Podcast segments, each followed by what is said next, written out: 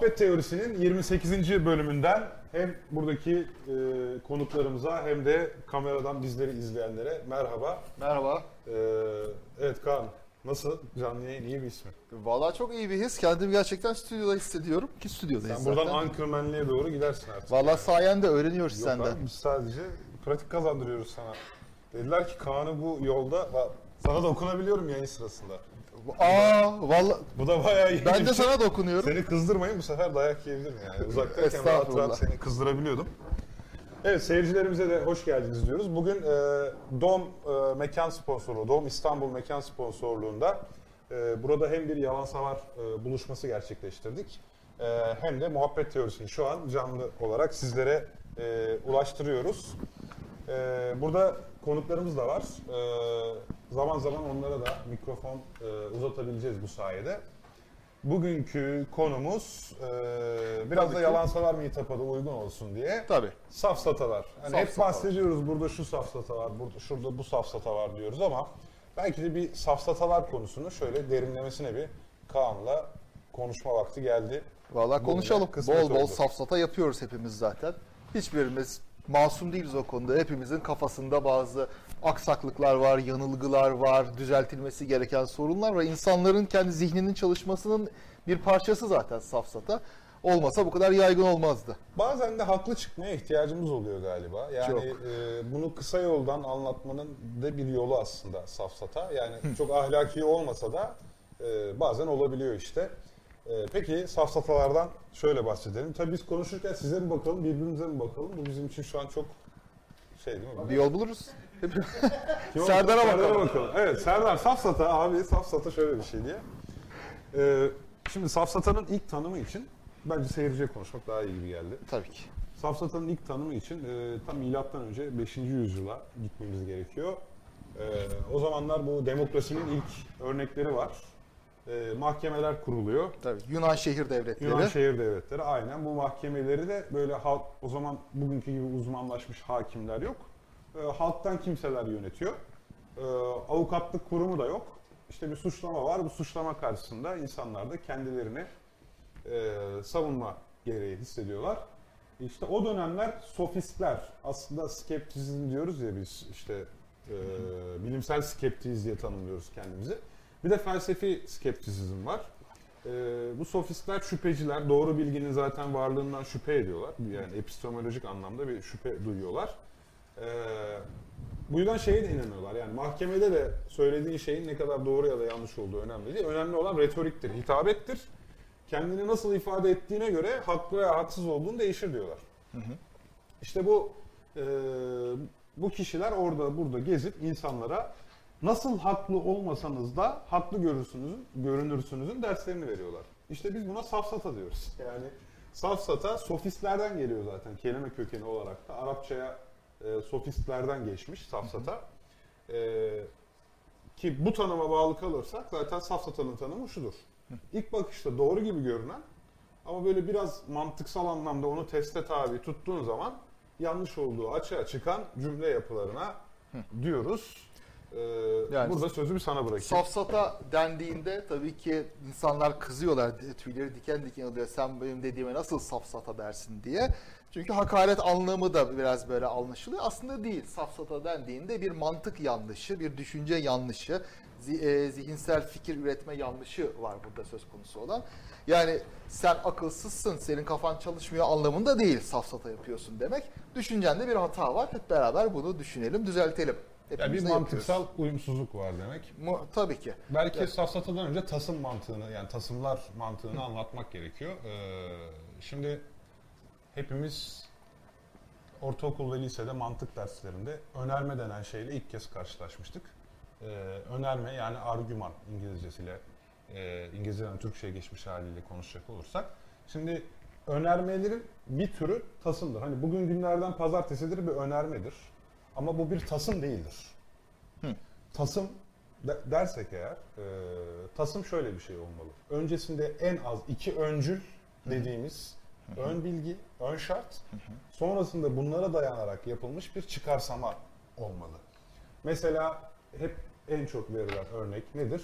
İşte bütün e, insanlar ölümlüdür. Evet. Sokrates de bir insandır. O zaman Sokrates de ölümlüdür. İşte burada bu bir tasım. Yani bunun Doğru. öncesinde iki tane öncülü var. Ne bunlar? Bir tanesi bütün insanların ölümlü olduğu. Bir tanesi Sokrates'in de insan olduğu. Bunların ikisine dayanarak ben nasıl bir sonuç çıkarabiliyorum buradan? Sokrates'in de öleceği, bir gün gelip Evet. öleceği yani. İşte- Genelden özele ulaşıyoruz. Tasım bu. Ve biz safsata dediğimiz zaman işte bu tasım sürecindeki problemlerden bahsetmiş oluyoruz. Hemen mesela bir burada bir problem çıkaralım. Bütün Çıkaralım. insanlar ölümlüdür. Sokrates ölümlüdür. Demek ki Sokrates insandır. Al burada bir safsata.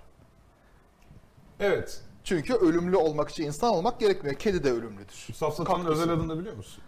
Biliyordum da unuttum. Söyle. minör. Hı. Küçük terim iki kere dağıtıldı yanlışlıkla. Hı. Yani Tamam işte. Şimdi e, tabii bunu böyle söyleyince olmuyor. Böyle keşke tahta mahta olsa da. Şimdi gerçi tahtamız varmış da yani çok oralara girmeyelim. Boş ver. Fakat hani bütün insanlar ölümlüdür. Sokrates insandır dediğimiz zaman orta terim insan. Yani her iki öncülde de geçen terime orta terim deriz. Orta terim insan. Bütün insanlar ölümlüdür derken ki ölümlü küçük terim, Sokrates'te büyük terim oluyor. Eğer sen yanlışlıkla küçük terimi iki kere dağıtırsan Sokrates'i dağıttığın gibi işte buna illicit minör diyoruz. Şimdi ama bu biçimsel safsata. Tabii. Ama bu biçimsel Formal safsata safsatayı yani. ya pek çok durumda da görüyoruz. Şimdi Tabii. bunu e, Sokrates durumunda bunun yanlışlığını görmek çok kolay. Hadi başka bir şey yapalım. E, bütün ilaçlar bitkilerden üretilir. Bu madde bitkiden üretilmiştir. O zaman bu bir ilaçtır. Aynı şey, aynı safsata ve ama bu hataya düşen pek çok insan var. Bu bitkisel ilaçların yaygınlığına Şimdi falan tekrar tekrar baktığımızda. söylesene çok hızlı düşününce Tamam. şey yapma. Şimdi birinci öncülümüz nedir? E, bütün ilaçlar bitkilerden üretilir. Ben.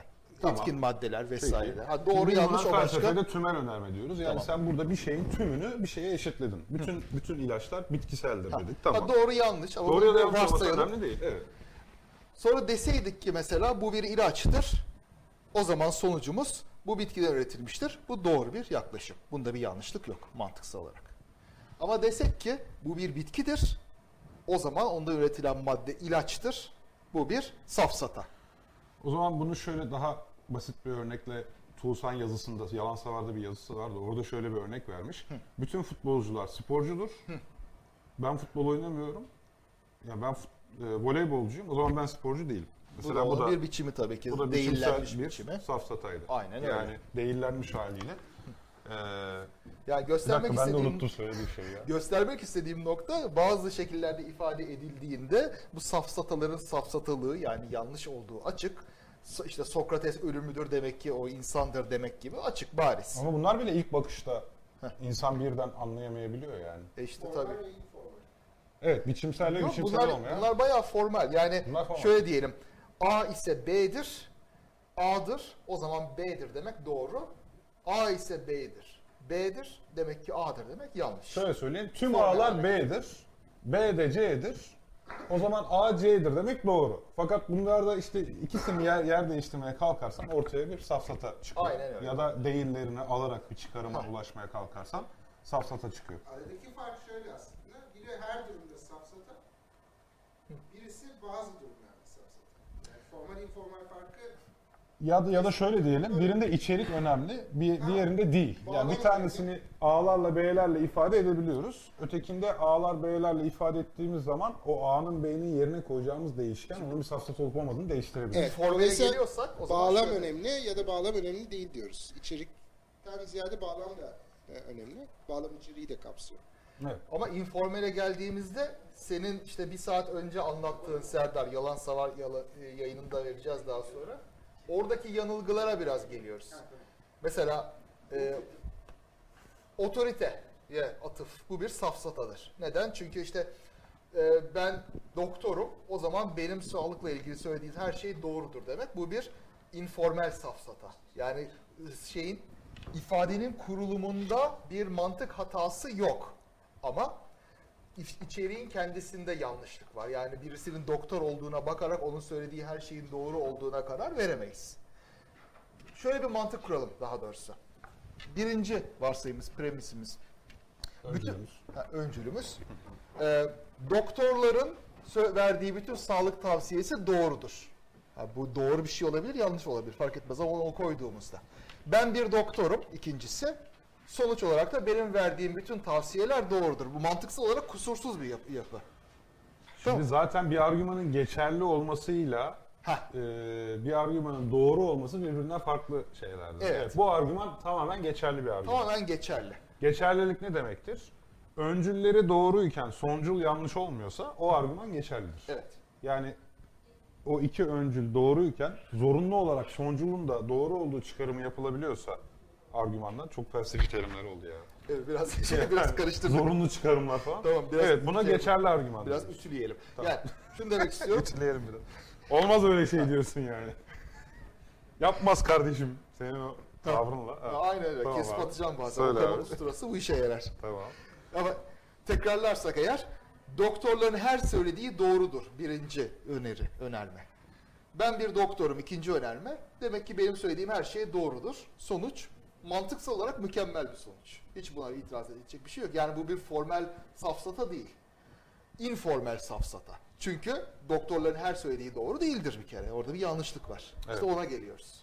Ha, informelle formeli ayıran şey aslında bir tanesinde onun safsatı olduğu zaten biçime bakıp anlaşılabiliyor. Fakat burada Aynen içeriği sorgulayarak Ay, buna varıyor. bu durumda Mesela- en azından öyle. Şu safsata mı? Sana bir soru. Allah bu konuda daha önce seninle direkt canlı yayında tartıştık ya. Sonra arayı Bugüne kadar her gün güneş doğdu. Heh. Tamam mı? Tamam. Yarın da bir gündür. O zaman yarın da bir, yarın da kesin güneş doğacak. Hadi bakalım. Bir dakika bunları birleştiremeyiz ki ben şimdi. Bak bugüne kadar her gün güneş doğdu. Tamam. Yarın da yeni bir gündür. O halde yarın da güneş doğacak. Yok bunu şöyle kurarsan her gün güneş doğar. Yarın bir yeni bir gündür. Tamam. Ha o zaman dersin. Tamam her gün güneş doğar da deneyimsel bilgi ama yani. Çok fark etmedi bence. Evet. Evet. Tamam bu bir safsata mıdır değil midir? her gün güneş doğar. E, Hayır değildir. Yani formel safsata değildir.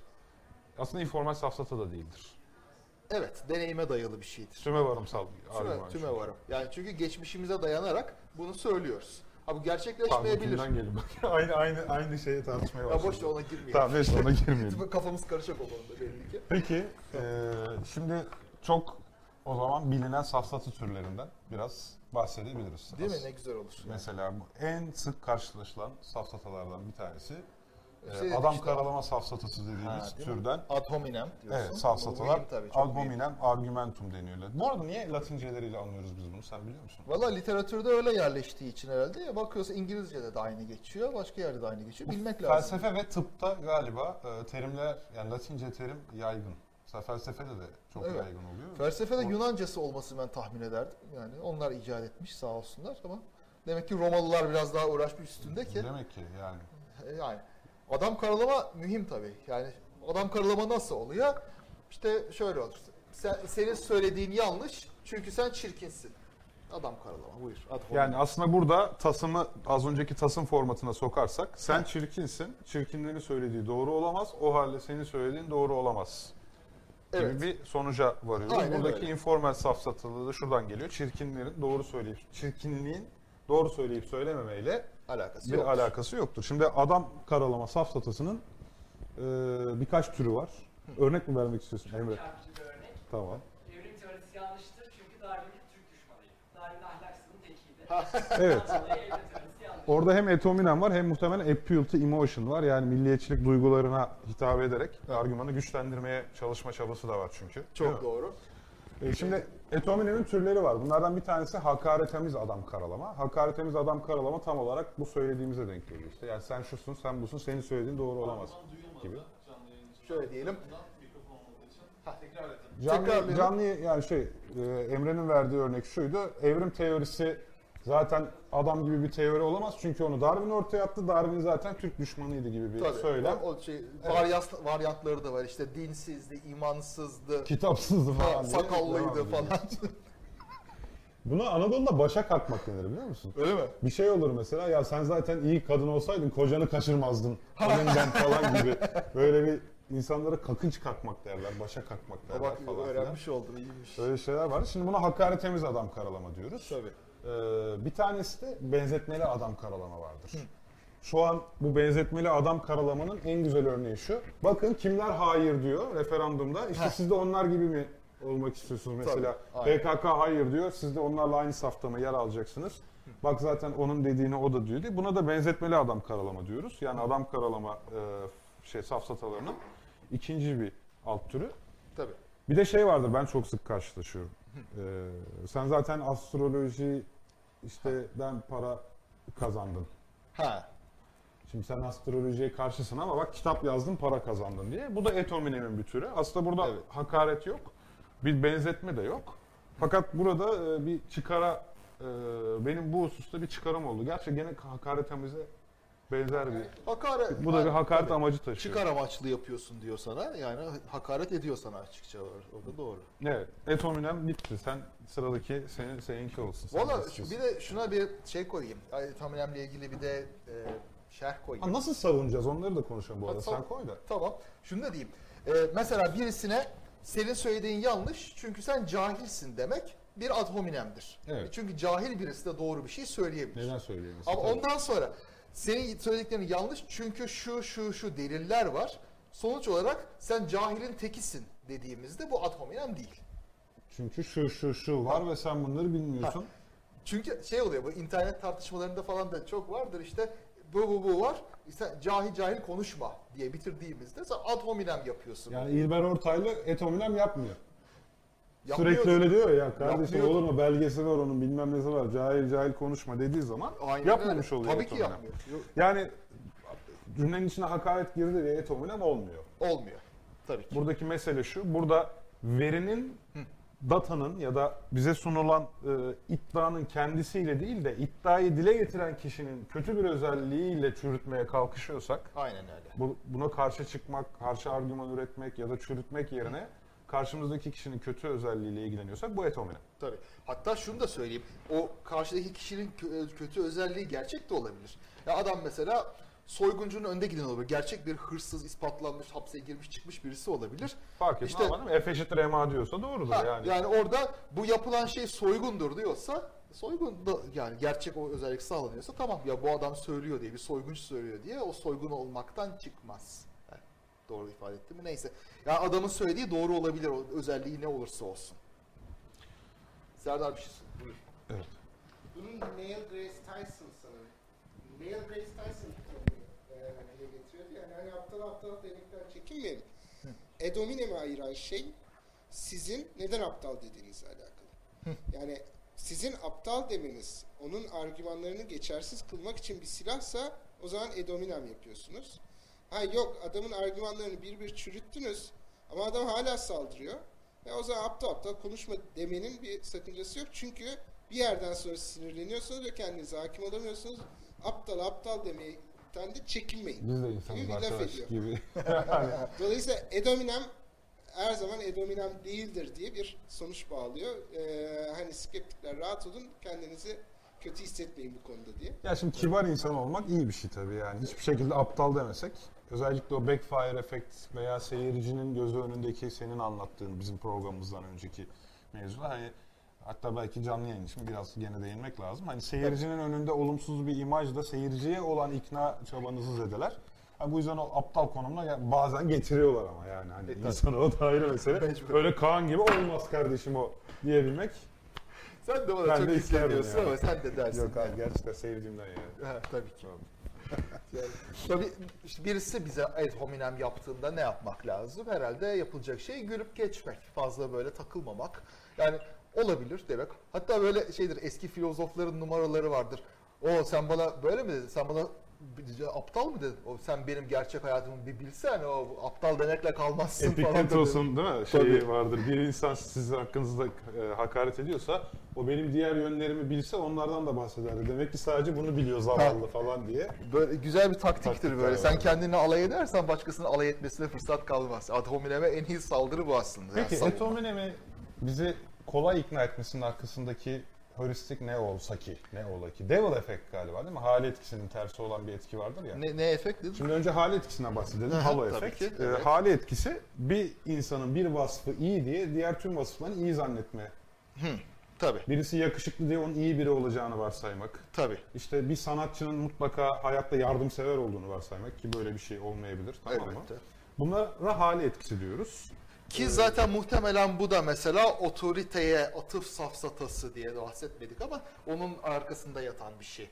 Şimdi o bir, bir konuda birisi bir otorite ise diyelim işte iyi bir doktorsa onun işte şunu yiyin bunu yemeyin şeklinde verdiği tavsiye de doğru olmalı gibi bu hale etkisi. Evet, hale etkisi Tersi orada. de- zaten bu ad hominem'de kişiye, kişiyi karalama da otoriteye atıfın tersi bir yandan. Ha, evet. Hale etkisi de tersi işte devil effect. Yani Devil. hale zaten Ha, meleğin kafasındaki etkisi. işte melekten aslında bir atıf. Ee, devil effect de bu yani birisi kötü görünüyor diye onun kötü biri olacağını varsaymak ya da birinin bir kötü özelliğini diğer yerlere yaymak. Aslında burada yapmaya çalışılan şey de o. Yani adam soyguncu bir kere o nereden bilecek derken Tabii. ha, bu adam soyguncu, kötü, işte muhtemelen diğer vasıfları da kötü olmalı gibi bir iç hörüstiye işaret ediyor. Aynen öyle. Yani Demin verdiğimiz kısa- örneğe de dönersek işte sen teröristlerle aynı şeyi mi söylüyorsun? E teröristler su da içiyor, su da mı içmeyeyim yani? Yani onun gibi bir şey Mesela, oluyor bu. Evet, Ha, aynen. Bu da savunma stratejisi olabilir hatta yani. Çok doğru.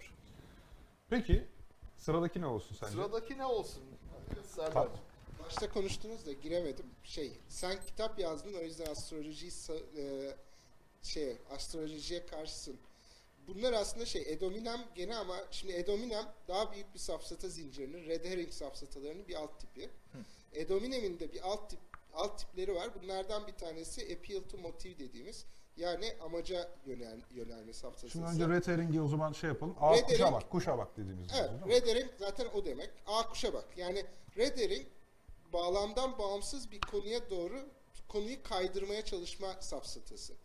Ee, Edominem'de red herring'in bir alt tipi. Ee, çünkü Edominem'in eğer bağlamla bir ilgisi yoksa karşıdaki adamın aptal olup olmamasının ya da ona hakaret etmenin bağlamla bir ilgisi yok. Sadece zemini kaydırmaya çalışıyorsun orada. Dikkati başka bir yere Dikkati çekip başka bir kendi yere çekiyorsun. argümanımı oradan geçirmeye çalışıyorum gibi yani. Edominem'in alt tiplerinden bir tanesi de appeal to motive. Yani bunu söyleyen adamın niyeti başka, o yüzden söylüyor. Şimdi aslında bu argümanı yanlışlamıyor. Niyetinin başka olması argümanın yanlış olduğu e, anlamına gelmez. Senin kitap yazmış olman ya da belki de kitabını gerçekten satmak istiyorsun sen. O yüzden bu argümanları kuruyorsun. Ama bu argümanların doğru ya da yanlış olduklarını değiştirmez. Aslında biraz Poisoning Well de bu kategoride bir şey. Hani orada da kuyuyu zehirliyorsun. Yani alakasız bir şeyler koyuyorsun ortaya. Amaç ne? Seni diskredit etmek. Dolayısıyla hani bu adam işte kitap yazmıştır. Zaten bunun amacı budur. O diskredit edilecek bir insandır. Yani diskredit etmenin Türkçesine ne diyelim? Kötülemek. tabii. Kötülemek yani hani bir art niyeti olduğunu e, ima edecek bir şey koyuyorsun. O yüzden Poisoning Well yapmış oluyorsun. Red Herring safsataları o kadar geniş bir ekip ki aile ki sadece Edomine'mi biliyoruz biz ama bayağı bir şey var. Şeyde oluyor ya, dünyanın başka derdi mi kalmamış ki astrolojiyle kitap yazmış yani. O zaman bunu her Mesela. her dert için söyleyebiliriz Evet, bunu. tabii. O zaman bir dert skalamız mı var elimizde? En büyük dert şu. O zaman bir kitap birileri kitap yazacaksa mutlaka oradan başlamalı. Başka konularda kitap yazılmamalı gibi absürt bir sonuca Ya o- gidiyor buradan olsa yani. tamam o sıradan gidelim ama ne des ne yapsak zaten birisi bir kulp bulacak orada Yani işte kaçan bana bunu yok. birisi söylemişti canlı yayında. Şimdi, gerçi canlı yayında söylediği için ismini vermemde sakınca var mı bilmiyorum. Zaten herkesin önünde Söyle, olduğu bu tartışma. Atan Yurun'la olmuştu. Ha tamam. O bana öyle söylemişti. Ben de bir sürü adam var. Niye Nostradamus hakkında kitap yazdın o zaman demiştim. yani. Güzel. Bir ton adam var yani. Herkesin ilgi alanı var. Benimki de buna karşılık geldi diye. Tabii. Mesela en sevdiğim safsatalardan bir tanesi de bundan sonra Seviyor musun? demek ki bu Aa, çok eğlenceli. Her yerde buluyorsun ya altın madeni gibi. Ha Böyle bulmasını pıt pıt pıt. sevdiğin. Ha, yani. Yapmasını sevdiğini zannettim de o yüzden yani. Bilelim yani. Varsa öyle. Yok canım hiç haşa. Birlikte program yapıyoruz falan sonuçta. Sen bulursun nasıl. Tamam peki abi. Birbirimizin safsatasını bulmak zaten bizim zevkimiz. O da doğru. Eğleniyoruz bayağı. yani. Tabii canım yani yalan sana ikilinin en güzel tarafı birbirimizi didikleriz böyle. Ha bir şey mi buldu? Bir şey mi söyledik? Yanlış bir şey mi söyledik? Böyle hemen sen şunu yaptın, sen bunu yaptın. Ya, ilk başlarda moral pardon. bozucu oluyordu ya. Yani ilk başlarda hatta ben hatırlıyorum Kaan Açık Bilim ailesine. işte Başlarda bu hala oluyor ya. Ben Yok, gidiyorum odada ağlıyorum ya. Gerçekten. Öyle mi yapıyor Meral? Çok Yalnız hakikaten Kaan Açık Bilim ailesine katıldı. Biz e, Açık Bilim'de ilk başta uzman editörlük sistemi yürütüyorduk. Yani bir yazı geldiği zaman mesela bu bir fizik yazısıysa fizikçiye gönderiyorduk. Fakat sonra açık editörlük sistemine geçtik. Yazının yazıyı Google Drive'a koyuyoruz. Bütün açık bilim yazarları bakıyor. Yani buna bir yazıya bazen 7-8 yazar bakıyordu değil mi? 7-8 farklı gözden geçiyordu. En nefret ettiğim Kaan'ın bakmasıydı ya. Şimdi diğer insanlar çünkü şöyle söylüyorlar. Tamam mı? Ya işte bu bilgiyi bir daha mı gözden geçirsen acaba? Kaan'ınkiler şöyle olmaz bu yalan. Bu yanlış. Öyle miydim ya? Benim o ay yazıma. Hiç kardeşim böyle yalpalamaz bu. Hayır bundan değil yanlış biliyorsun. Böyle yorum yapıyordu adam yani. Çok Ya, sinir bozucu. Gençken Sonra öyleydik dedim ki yengeye Allah sabır versin. Çaktırma. Yarasına bastın. Peki şeye gelelim. Postdoc en çok sevdiğinde değil mi? Evet, post hoc ergo propter hoc. Yani bundan sonra dolayısıyla bundan önce. Bunu çok güzel bir hikaye ile anlatabiliriz mesela. Peki abi. Adamın birisi sokakta elinde koca bir çifte oraya buraya ateş edip duruyor. Güm güm güm güm. Her taraf inliyor. Millet çıkmış pencerelere ne oluyor diye korkuyla. Yanına polisin biri gelmiş. Kardeşim ne yapıyorsun sen burada diye. Filleri kaçırıyorum. E burada fil yok ki. Bak ne kadar başarılıyım. Bu. Şimdi ne oluyor? Peki. Pek ben çok de bir bilmece sorayım o zaman. Heh, Hiç sen maydanoz arkasına saklanmış bir adam gördün mü abi? görmedim vallahi. Demek ki iyi saklanmış. Bu da ona benziyor değil mi şu an? Aynen öyle. Tamam, Ha, tıpatıp. E şimdi mesela ne oluyor? Ee, al mesela havaalanı güvenliklere işte abartılır. Kemerinizi çıkarın, ayakkabınızı çıkarın, şunu çıkarın, bunu çıkarın. Ona bakın şimdi laptop konması mesela Amerika'ya, ar- uçaklara yasaklanıyor şu bu. Ondan sonra bakın ne kadar güzel güvenlik var. İşe yarıyor mu? Yarıyor bak hiçbir şey olmadı. Ama senin bu yaptığın yüzünden mi olmadı, sayesinde mi olmadı yoksa zaten mi olmayacaktı? İşte ortalıkta ateş eden adam filleri kaçırma hikayesi aynen. Maydanozun arkasına saklanma gibi. O kadar çok yaygındır ki bu politikada, siyasette özellikle yapılan böyle lüzumsuz şeyleri, faydasız prosedürleri, e, uçuk şeyleri falan e, doğrulamak için çok kullanılan bir şey. Kritik sonuçlar da doğurabilir. İşte Takiyüddin'in rasathanesi Heh. işte bir kuyruklu yıldız e, geçişinden sonra veba salgını olması üzerine yıkıldı. Evet. Yani o kuyruklu yıldızın geçişiyle veba salgını boşu boşuna birbiriyle ilişkilendirildi. Bu postdoc bir safsatadır zaten. Bak o işte oldu demek ki ondan oldu gibisine Tabii. ve en nihayetinde bu resmen Türkiye'nin bu da bu arada başka bir safsata. Belki şu an resmen Türkiye uzay araştırmalarında en öncü ülke olacaktı. Avuy. Ama ta- rasathane yıkılmadığı için olamadı. Mesela bu da postdoc. Bu, buna, tabii. Buna Şu an Strongman- bilimsel olarak gerideyiz. Heh, O zaman rasathane yıkılmıştı. tamam. Şimdi ben de bu ikisini Buna çöp adam safsatası diyebilir miyiz? Böyle Yok, aşırı çöp adam basitleştirme. safsatası. Aşı- aşırı basitleştirme. etkisel indirgemecilik Serdar'dan da yardım alalım. Ee, o daha çok e, bir kişinin aslında o da appeal to motive tarzı bir şey. Ee, çöp adam safsatası şöyle oluyor abi. Senin söylediğini ben çok şey bir yere çekiyorum. Yani sanki sen aslında senin demediğin bir şeyi bir çöp adam çiziyorum ve ona dedirtiyorum. Karikatürize ediyorsun yani. Evet, ona dedirtiyorum ve ona karşı çıkıyorum. Çöp adam safsatası oradan geliyor. Mesela sen şimdi bana desen ki aslında e, dünyada işte şu an Afrika'daki ülkeler de e, birinci dünya ülkeleri kadar atık üretmeye kalksa dünya rezil bir yer olurdu atık anlamında desen. Ne yani Afrika'dakiler açlıktan ölsün mü o zaman onlar tüketmesin mi dediğim zaman Strawman yapmış oluyorum. Evet. Yani aslında savunul savunulamayacak bir şey söylüyormuşsun gibi bir pozisyona sokuyor. Aynen öyle. Karikatürize etmek biraz öyle. Yani, yani sen Afrika'daki açlar ölsün diyen bir insansın. Senin nesi- neyini dinleyelim? Yani evet söylediğin yeri e, bir yere çekmiş oluyorum. Hani bir mesela kültürel haklardan bahseden insanı hemen bölücü olarak nitelemek ya da Tabii. işte e, kapitalizmin getirdiği yararlardan bahseden insana hemen şey muamelesi yapmak. Ne yani o zaman e, işte modern köleliği mi savunuyorsun bana falan demek. Bunlar bunların hepsi e, çöp adam safsası. Çünkü sen aslında orada e, bir karmaşık bir konunun tek bir özelliğinden bahsediyorsun. Ben onu işte bir çöp adam çizip sen değilsin ama senin karık şeyin çöp adamın. E, o, o başka bir şey söylemiş oluyor ve sen öyle söylemişsin gibi saldırıyorum sana. Hatta o yüzden e, çöp adam safsatısı yerine tepkisel indirgemecilik demeyi tercih ediyorum ben daha çok akılda kalıyor. Seni söylediğini bir şeye indirgiyorum ve sana oradan tepki veriyorum. Doğru. Tepki için yapılan bir şey. Haklısın. Evet. Şeyi de var tabii bunun bir de e, böyle giderse iş, halimiz duman safsatası var. Kaygan O zemin kaygan zemin, safsatası. slippery slope Ha. safsatası. Bu da yakın buna tabii değil mi? Peki ama şeyi nasıl savunacağız? Yani şeyi atladık biraz. Mesela tekrar geri dönelim. Peki. Post-hoc arkasındaki heuristik ne? Tamamen beynimizin deterministik çalışması zaten. Ona girersek benim fikrim işin çok temel bir e, yanılgısı oldu. Şimdi şöyle bir örnek de alınabilir. Ben bu otu kaynattım, içtim, baş ağrılarım geçti. Bu düpedüz bir bundan sonra demek ki bundan e, dolayı. Şey. Ama şimdi insanın bir paten tanıma yeteneği var biliyorsun. Tabii. Yani bu doğuştan geliyor. Bebeklikten itibaren şimdi bir bebek şunu ittiği zaman bu düşüyorsa bir süre Aynen sonra öyle. itilen şeyin düştüğünü hemen öğreniyor. Yani bu zaten bizim insan zekamızı e, kavrayış biçimi iki tane art arda gelen olay arasında ilişki kurmaya dayalı.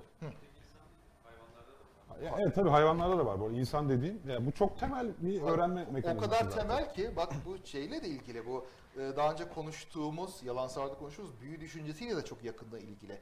Alakasız etkileri bir araya getirerek bazı davranış kalıpları çıkartıyoruz ortaya ki bu sadece insanda değil kuşlarda güvercinlerde bile Skinner'ın meşhur deneyleri vardır bu konuda.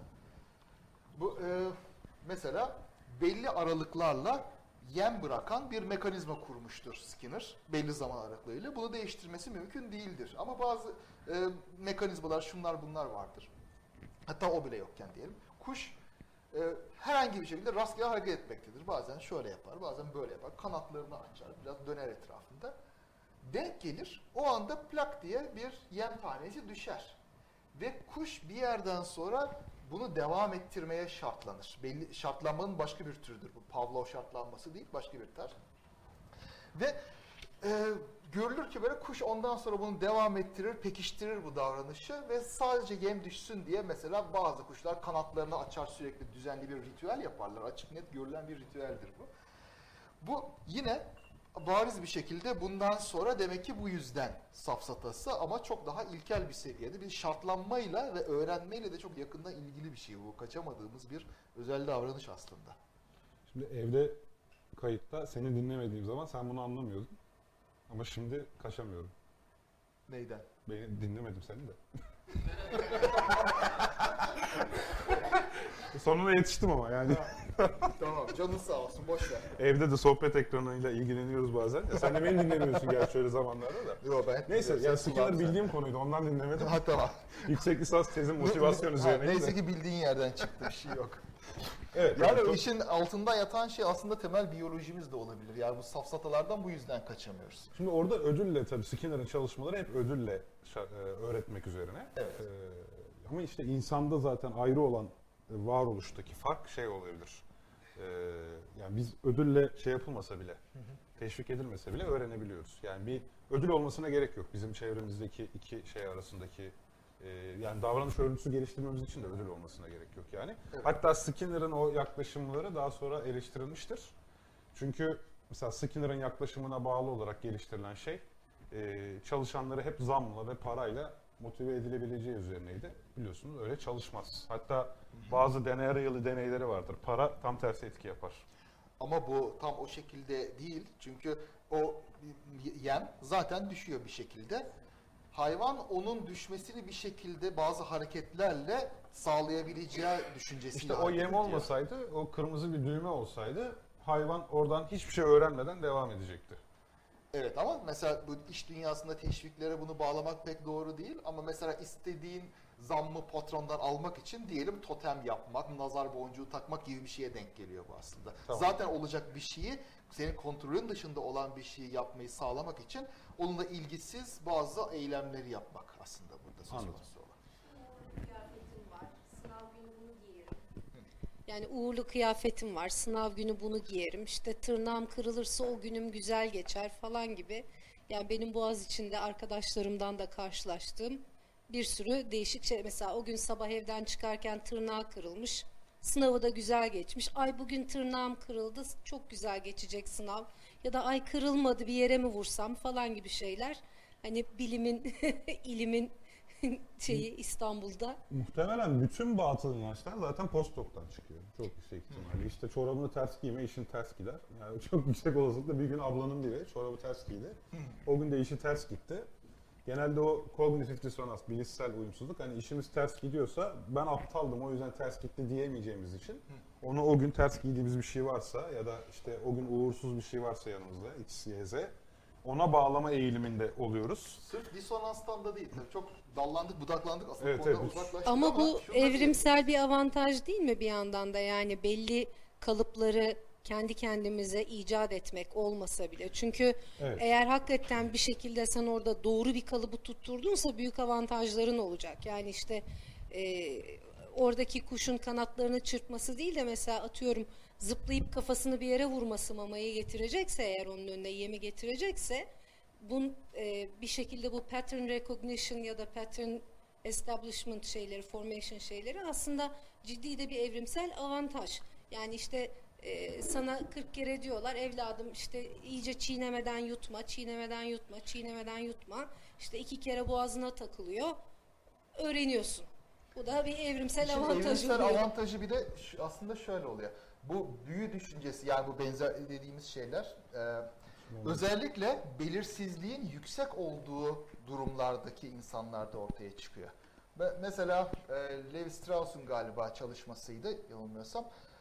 E, Pasifik'teki adalardan birinde iki çeşit balıkçı var. Bir tanesi e, adanın içindeki göllerde, küçük sakin göllerde balık avlıyor. Bir tanesi okyanusa açılarak balık avlıyor. Göllerde avlananlarda hiç öyle bir büyü düşüncesi, ritüel, batıl inanç falan yok. Ama okyanusa açılanlarda var. Bu bir belirsizliğe karşı verilen bir tepki. Çünkü bilmiyorsun ne olacak. İşte kendine güven e, eksikliği var.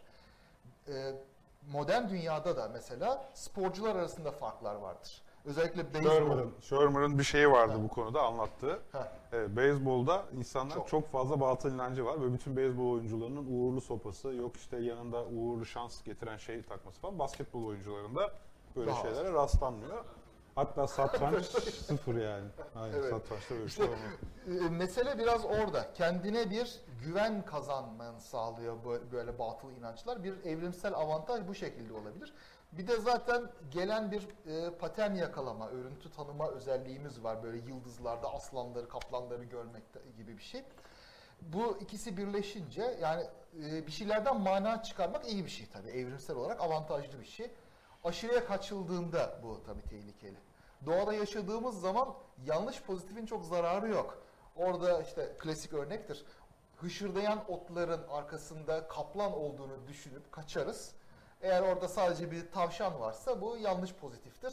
Ama bu bize zarar vermez. Ama yanlış negatif yaparsak, ha tavşandır dersek kaçmazsak yem oluruz. Ama yiyecek o tam o çalının arkasında ve hayatta kalmamız ona bağlıysa o zaman ciddi problemimiz o zaman var. kafayı kullanmaya Aynen başlamak öyle. gerekiyor. Orada bilimsel düşünce başlıyor işte. Evet. Siz risk.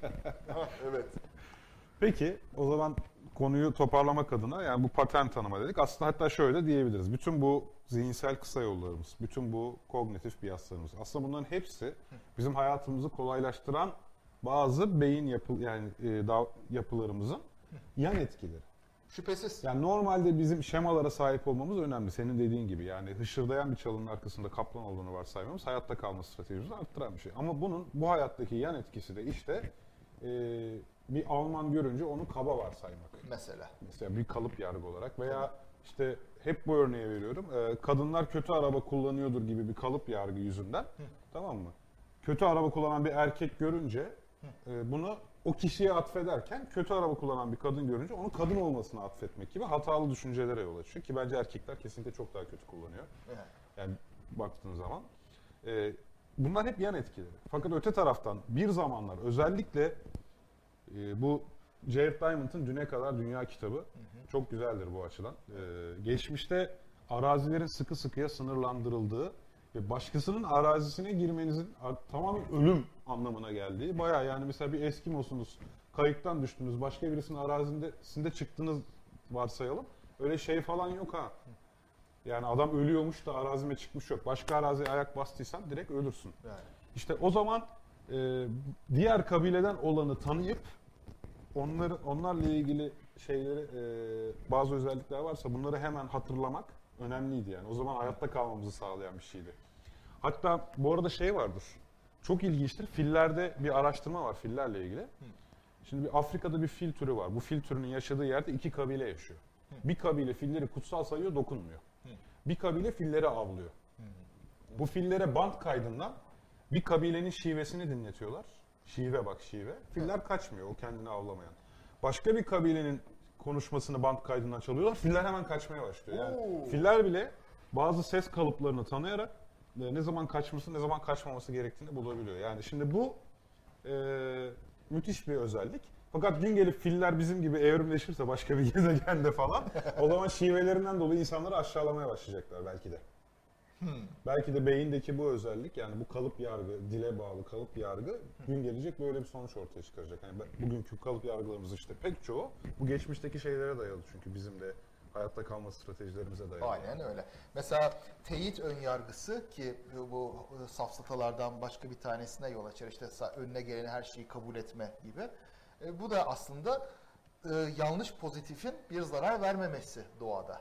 Bir şey ben bunu teyit edeyim gibisinden. Yani ben- ön, ön yargımı her zaman kabul edeyim. Çünkü dünyada çok bir şey değişmiyor e, şeyde doğada yaşadığın zaman. Modern hayatta tabii sürekli bir değişim var. Sürekli olarak e, fikrini e, güncellemeye açık olmalısın ama 200 bin yıl önce mağarada yaşayan bir avcı toplayıcıysan e, avın nereden geçtiği belli, böğürtlenlerin nerede olduğu belli. Çok bir değişiklik yok. Nasıl oradadır diyorsun.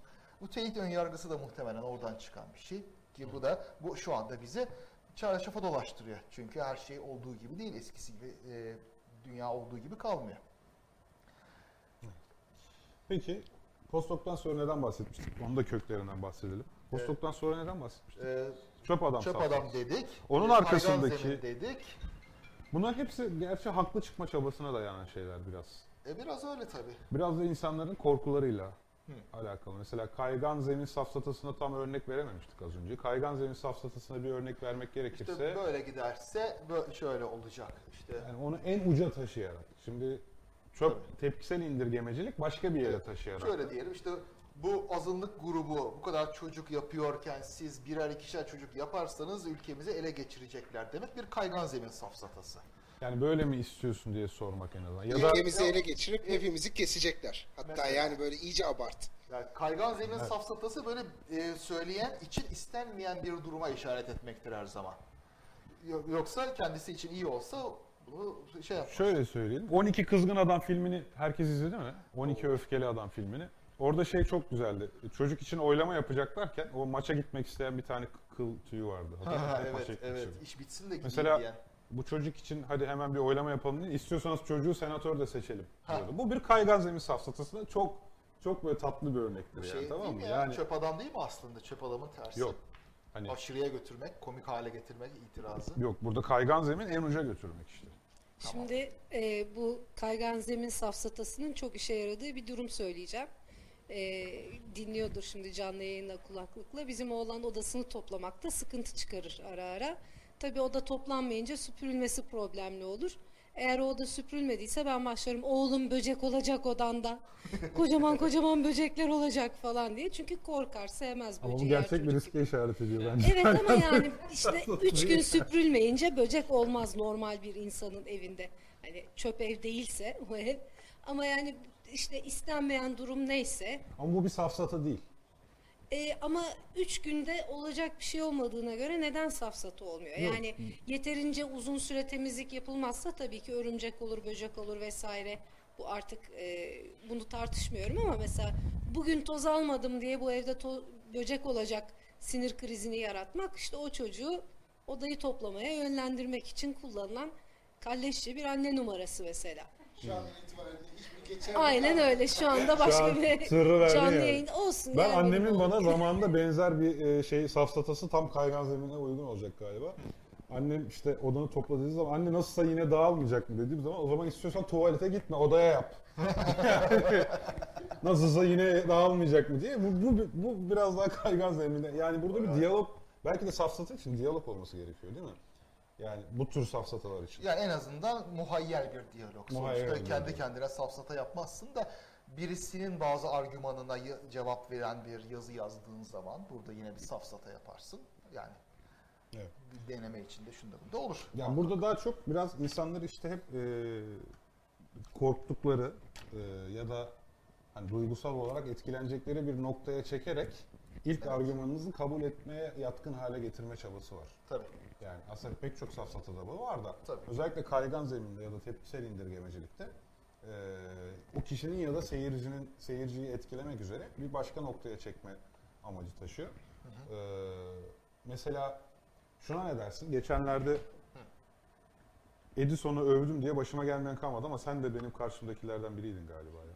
Yok be hatırlamıyorum hiç. Neyse Edison değil aynısını Werner von, Werner von Braun için yaptım. Şimdi Werner von Braun çok iyi bir uçak mühendisidir. Tamam mı? Doğru. Yani havacılık mühendisidir. Nazi işbirlikçisidir. Bak Nazidir hatta. işte işte Aa, Hemen söyleyeyim bunun adı da Group Association fallacy'sidir. Yani onun Nazi olması dolayısıyla o konudaki şeyi iddiayı reddediyorsun ya da argümanı ya reddediyorsun. iyi bir mühendis adamlar- olmasının ne, ne alakası var Nazi olmasının? Almanya'dan ve İngiltere'ye gönderilen roketleri bizzat tasarlayan adamdan bahsediyorsak. Evet. yani Ama olsun değil. Association yapıyorsun. Yani Evet. adamın Nazi olmasıyla iyi bir mühendis olması arasında bir şey yok. Tabii. Yani Ahlaki bir bakış açın senin yargılıyor şu anda e, yargını ve suçlusun. İşte aynısını Edison için de Edison için de yapıyorlar. Edison şöyle girişimciydi, böyle şeydi falan. Ama işte Tesla ya tamam arkadaş kötü bir adamdı ya. Ben iyi bir adamdı demiyorum. Ha. Kötü bir insandı. Reductio e, ab Hitler var ya.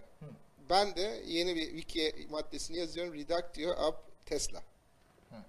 Tesla'ya indirgemecilik Orada sağladı- yükseltmecilik var bence. O da ya. olur. Redüktüyor yok yani. Hayır yani konuyu Tesla'ya indirgiyorsun. Ha evet Edison'da bilhassa tamam mı? Bilhassa evet.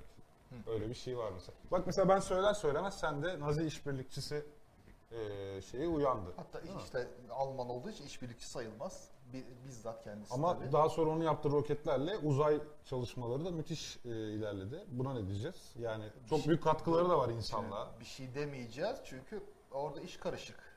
Şimdi ne, ne savunuyoruz onu Orada anlayalım. çarşı karışır diyorsun. Yok şimdi ne savunuyoruz onu anlayalım. Ona iyi bir mühendis olduğunu söylüyorsak onda bir şüphe yok. Tamam peki zaten Ama- ben bir şey demiyorum. İnsanlığı iyi daha sonra ra- e, roket yaparak aya gitmemizi sağladı diyerek onun iyi birisi olduğunu savunuyorsak bu da ayrı bir safsata olur. Değil mi? Ama zaten Hayır, iyi sırf birisi bu- olduğunu savunmadı. Hayır, bu- Direkt iyi bir mühendis dedi. Sen de cevabı Yok yapıştırdın. yok iyi birisi demedim de mesela tamam şunu tartışalım. Evet insanlığa katkıları olmuştur demem safsata değildir. Olmuştur. Ha, bunun yanı sıra insanlığa zararları da olmuştur. Zaten safsata böyle vakıaları söylediğinde bu bir safsata olmuyor. Onlardan bir çıkarım yaptığında tabii safsata oluyor. Evet yani şöyle bir çıkarım yaparsam insanlığa zararlı birisi olamaz çünkü Ay'a işte giden roketlerde katkısı olmuştu dersen bu safsatadır. Ha, Zararı olamaz diyemem çünkü işte onun bir geçmişi var. Tabii. Herkesin bir şeyi var, gençlik dönemi var, ne bileyim falan filan. Yani bunları bilmemiz lazım. Ha. Böyle kesin sonuçlara Tabii. ulaşamayız. Ne, neydi bu? Yani Yani sadece mesela- burada grup grup Çünkü, şeyi çünkü yok şunu da demek aslında. istiyorum. Mesela Hitler kötü biri değildi çünkü Almanya'yı otoyollarla donattı gibi bir şey de var, mantık var. Gerçekten var. Yani Bu var 30'lardaki canım, argümanlardan var, biri var bu. Yani. Çalıyorlar ama çalışıyorlar da. Ha, tabii, aynen. Peki e, şey Hitler döneminden bahsediyoruz, başka bir şeyden değil. Tabii canım yani Hitler yani şey e, grup at- atıfından başka burada aslında işte appeal to emotion çabası da var yani. Tabii. Herkes Nazilerden tabii ki nefret eder. Tamam insanlık katliamı yapmışlar. Milyonlarca insanın ölümüne neden olan bir savaşı başlatmışlar işte. E, dolayısıyla sen birisini hemen Nazi diye ki aslında aynısı bir süredir işte Hollanda'ya ve Almanya'ya da yapılıyor değil mi? Yani, Evet, tabii, değil mi? e, bizzat devlet büyüklerinin e, devlet büyüklerinin şeyi ağız- ağzında yani işte Nazi değil mi onlar zaten falan deniyor. Çünkü gerçekten Nazi küfür gibi bir şey yani. E, Biraz öyle. Evet. Tabii orada tabii za- zaaflarını bildikleri için de damarlarına basıyorlar, ondandır. Ben şunu düzelteyim. Ee, association fallacy resmi ismi.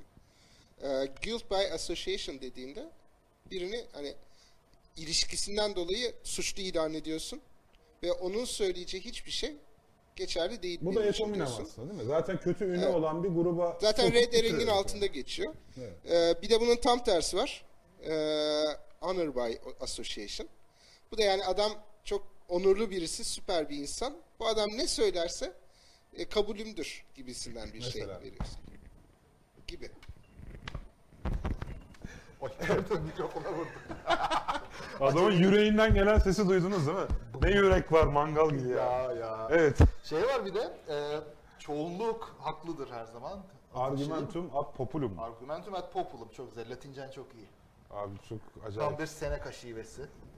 Biz Kaan'la en sık karşılaşacağınız 50 safsata diye bir kitap yazıyoruz. Kitabı da zaten ön olarak da kabul ettirmiştik yayın evine ama Evet. onlar bir sene önce oldu. Tembellikten yapamadık, bitiremedik. Evet tembellikten daha bitiremedik. Evet ya. Oo süper. Hadi ben onunu yazdım adam hala sıfır yani. Nasıl yani? Yazdım bir tane hiç. Yazdım tabii duruyor Tamam, Google tamam, bana Drive'da. göndermedin. Ha, Neyse tamam. hadi argumentum Tamam. ad populum'dan bahsedelim. Tamam nedir bu işte? Aslında arkadaşların pencereden atlasa sen de mi atlayacaksın safsatası değil mi bu? Yok bu o safsataya annelerin verdiği cevap. Tabii aynen. Tamam mı? Ya sınavdan niye kötü aldın? A- Ama anne herkes kötü aldı. Tabii. Ne demek herkes kötü aldı? Arkadaş yok olmadı pardon. Herkes yapıyor. Anne işte şu niye bunu yaptın? Herkes yapıyor. Ya arkadaşların yaptı diye. Tamam o savunma Şey, stratejisi. niye okuldan kaçtın? E bütün arkadaşlar kaçtı falan. Veya işte e, her çoğunluk mesela ne, ne diyelim? Ama Çoğunluk. bak Herkes astrolojiye inanıyor. Tabii. Ama Herkes tabii astrolojiye inanıyor yani yanlış olamaz. Ha, Gibi. Çoğunluk inanıyor. ya da bu çok sık şeyde astrologlar bunu çok yapar. İşte dünyadaki bütün başarılı iş adamları, gerçi orada appeal to şey de var. Ya zenginlere atıf diye ayrı bir safsata da var da. Doğru. Şey de var. e, bu kadar insan oy veriyorsa iyidir mesela. Tabii doğru. Bu tabii so- doğal olarak seni yüzde yüz oya götürmek zorunda ama. Evet veyahut şey e, aynı şekilde işte bütün e, akıllı insanlar bunu böyle yapar demek de aslında başlı başına bir mesela güncelliğe de Safsata bağlarsak seçimlerden önce mesela anketlerin yayınlanması da biraz bunu sağlamak için. Bakın çoğunluk bizden yana siz de oyunuzu çoğunluğa verin. Ziyan olmasın de- e, deme. Yani alttan alta bu safsatayı yapma amacı da var. Ve e, birisinin kendisinin işine gelmeyen anketleri yayınlamaması da aslında altta bu düşünceye Şimdi dayanıyor. işte burada terimsel olarak karşı çıkmam gerekiyor sana. Ee, bu burada bir safsata yapma amacı taşımazsın. Safsata bir tasım yani çıkarım yaptığın anda ortaya çıkıyor. Burada insanları bandwagon'a bindirmeye çalışma ya da sürü yani e, takibi hissini uyandırmaya çalışma var. Yani safsata olabilmesi için bir argüman Tamam. kurulması lazım. Ben- ben Eğer şunu- sadece anket yayınlanıyorsa ama kimse çıkıp da o ankete bakın yüzde 53 bunu söylemiş. Demek ki doğru olan karar budur demedikçe Ha. safsata tahakkuk etmez. Bunu borç gibi düşünelim. Anladım. Tamam yani safsata ortaya çıkmaz yani. Doğru diyorsun. Ama çoğunluğun, yani insanların kafasında bu safsata yer etmişse o zaman çoğunluk bu fikirde demek alttan alta aslında satır Safsataya arasında malzeme Ha, veriyorsun. buna olabilirsin. uyun demektir. Tamam malzeme veriyor olabilirsin. Evet. Ama oradaki esas aslında heuristiklerimizden faydalanmaya çalışılıyor. Doğru. Doğru. Mesela aynısı şeyde de yapılır. Ee, bir ürünün satışın reklamında böyle çok insan bunu kullanıyormuş gibi, herkes zaten bunu almaya koşuyormuş gibi yaparsın. Burada biri safsata yapmıyordur ama yani burada sadece birisi bizim sürüyü takip etme davranışımızı bizde uyandırmaya çalışıyordur. Yani Evet. heuristiklerden faydalanmaya çalışmakla safsata yapmak farklı. Safsata yapmak da heuristiklerden faydalanmaya amaçlıyor. Evet. Ortak özellik o yani. Tabii. Aslında öncesinde konuşmuştuk hatırlarsanız programdan da önce hatta yalan saat toplaşmasından da önce. Hani ortada bir yanılgılar var, biaslar dediğimiz. Bir de safsatalar var. Hani safsatalar adı üstünde sofistlerden geliyor. Tartışma usullerinde bunları kullanmak. Bir de yanılgılar var. Bunlar zaten hep orada. Ve aslında bunlar hep birbiriyle alakalı. Hepsi bağlantılı çünkü safsatanın amacı zaten yanıl yani o biaslerden faydalanarak seni ikna etmeye çalışmak Aynen. aslında yani oradaki meselenin özü. Peki şu argumentum ad populum'a dönersek e, bunun bir de tersi vardır Galileo e, Ha. etkisi. Tabii. Şimdi bazen e, bunun tersini de sözde bilimciler de kullanır. Hani der ki ama bak işte o zaman Galileo'ya da herkes böyle söylüyordu. E, herkes dünya işte dönmüyor diyordu ama bak Galileo haklı çıktı. İşte bir gün göreceksin ben de haklı çıkacağım der. E, işte o yoğurt kanser yapan yapıyor diyen kişi mesela şu an bunu işte hepimiz ona karşı çıkarsak diyebilir ki bak herkes Galileo'ya da karşı çıkıyordu. Tabii. Ama Galileo kazandı. Burada tam tersi e, bu e, çoğunluğa atıf safsatasının bir tersi söz konusu. Buna da Galileo safsatası diyoruz zaten. Şeydir tabii. Ee, bir, bir laf var Türkçe'ye uyarlarsak şöyle. Herkes Galileo'ya gülmüştü, siz bana da gülüyorsunuz diyorlar diye kim söyledi unuttum. E, güzeldi ama Galileo'ya gülenlerin yanında Recep İvedik'e gülenler de var. Ve bir Galileo'ya karşı 100 tane Recep İvedik var. Sen, senin hangisi olma ihtimali daha yüksek gibi bir şey deneyebilir. Şunu demek istiyorum. Evet, Galileo gülmüş olabilirler. Yani şöyle, bu ifadeyle ama sen Galileo musun? Gülünen daha pek çok insan, binlerce insan var sadece saçmaladıklarından dolayı. Senin bir Galileo olma ihtimalin mi daha yüksek yoksa saçmalayan birisi olma ihtimalin mi? Recep İvedik yerine saçmalayan geldi. Nereye pek gül- gülmediler aslında ama Yani o laf öyle geldiği için ama e, o, o şekilde bir, bir de şey nasıl diyeyim Ga- e, Galileo'ya nasıl diyeyim ben daha sonra haklı çıkacağım demek de E sen o zaman şimdi bu argümanı neye dayandırıyorsun o zaman? İleride bilim bunu ispatlayacak dediğinde sen daha ispatlamamışsın demek ki. Nere, nereden uydurdun bunu? Bir, ikincisi Galileo'nun elinde veriler vardı Aynen zaten. öyleydi. Teleskop gözlemleri vardı falan. Aynen Saire ki. saire. Peki Ee, yani e, Şey diyebiliriz belki e, kapanmaya da fazla kalmadı. Kısır döngü, kendine atıf, begging the question gibi tamam böyle bir onları da şeyle. şey yapalım. Zaten vaktimiz az kalmış doğru söylüyorsun. Evet, E, son olarak onu da söyleyelim ve bitirelim. tabii. Bu Mesela nedir abi? Begging the question. Yani burada Principio principi miydi? Pepito Yeni- principi. Petitio principi. Petitio principi tamam. Principi çünkü klasik Latince'de C'ler K okunuyor. İşte Latince miydi de telaffuzum Sen, kötü. sen o ortaçağ kilise Latincesini tercih ediyorsun. Ha evet, evet. Yani. Ben çok o Latince benim ilgimi çekti yani. Tabii işte sen Bologna Üniversitesi'nde okuyunca böyle oluyor. Tabii tabii. Şimdi burada tabii özünde şu var. Ee, A doğrudur çünkü B doğrudur. B doğrudur çünkü A doğrudur. Şöyle bir örnek. Ee, niye bu kadar düşük not aldım diyorsun hocaya. Derse yeterince çalışmamışsın. E, ben çalışmadığımı nereden biliyorsunuz? E, düşük not almışsın da ondan. Yani kendi kuyruğunu kovalamak bir yerde bu, bu argümanda. Başka mesela Bu ne diyebiliriz? şey kendini kanıtlayan ke- kehanet gibi. Biraz Contact öyle. filminin sonunda vardı. Hah, Contact filmini izlemeyen vardır ama ama o film de artık 93 yapımı. Spoiler vermeyelim dersek 97 yapımı. Heh. Ee, Matrix'te de mi vardı? Ben kon o nasıldı? Dikkat vazo diyor kahin. E, kahin dikkat vazo deyince dönüyor kahramanımız ve vazoya çarpıyor ve vazo kırılıyor. Yani uyarmasaydı aslında vazoyu kırmayacaktı kahraman. Ha. Tabii burada zamansal anlamda var. Tabii ortada bir iddia yok yani bir çıkarım yok. Anladım. Yani bu, bu zamansal anlamda kısır döngü. Bu zaten zaman paradoksu değil mi? İşte zaman paradoksu zaten o. Yani tüm zaman yolculuklarında ortaya çıkan kısır döngü. Evet bir kısır döngü örneği olarak. Benim Contact'ten vereceğim örnek de şuydu. İşte Jodie Foster'ın oynadığı karakter uzaya gidiyor. Hiçbir kanıt olmadan dönüyor.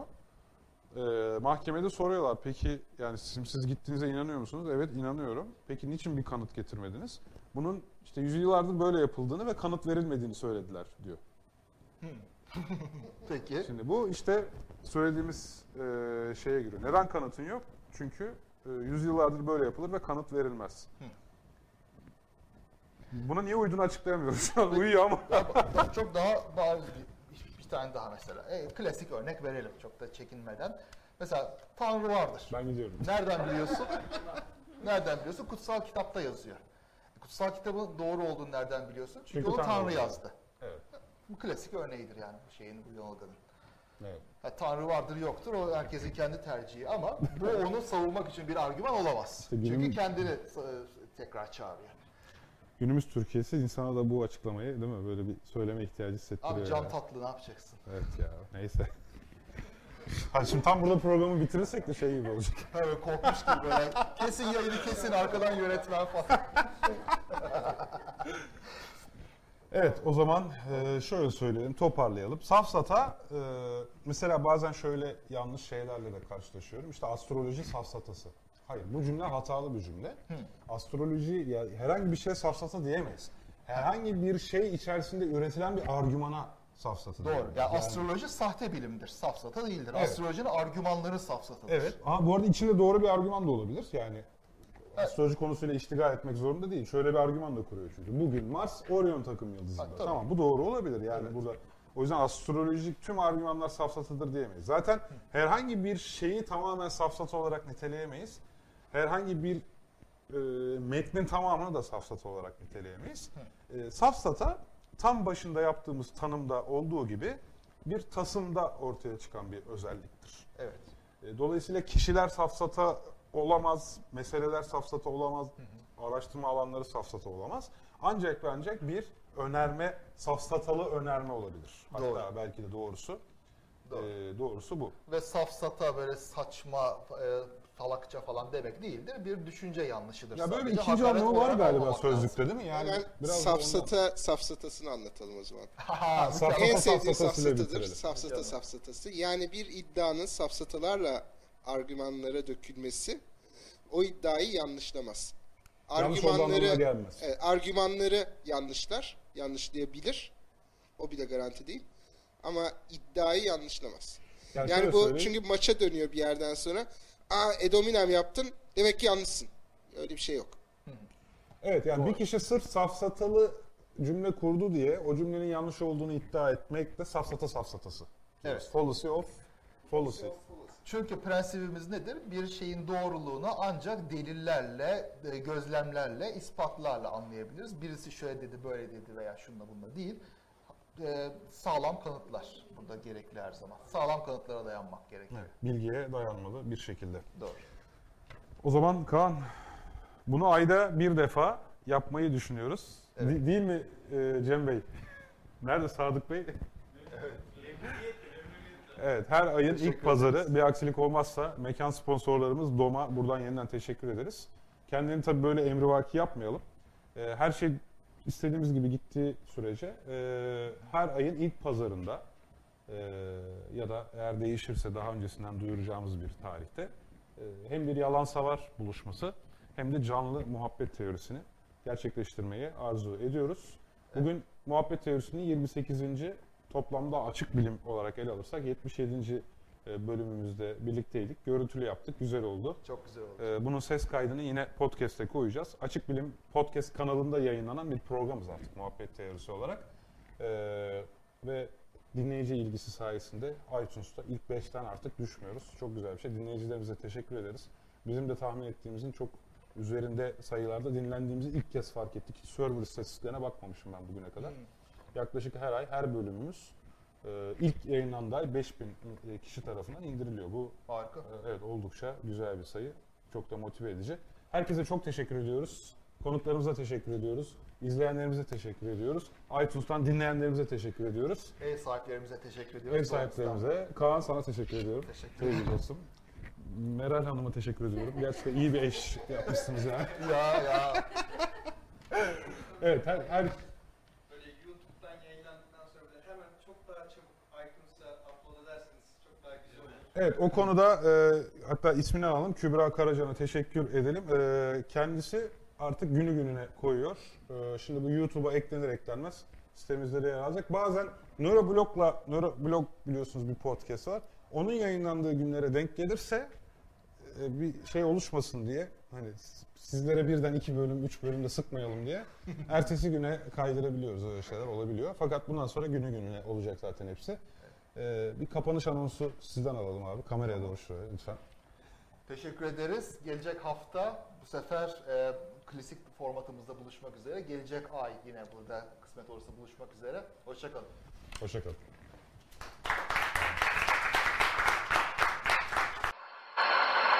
Daha fazla bilgi edinmek isteyenler Tarihi Osmanlı Mecmuası'nın 3. cüzünün 1912. sayfasına bakabilirler efendim.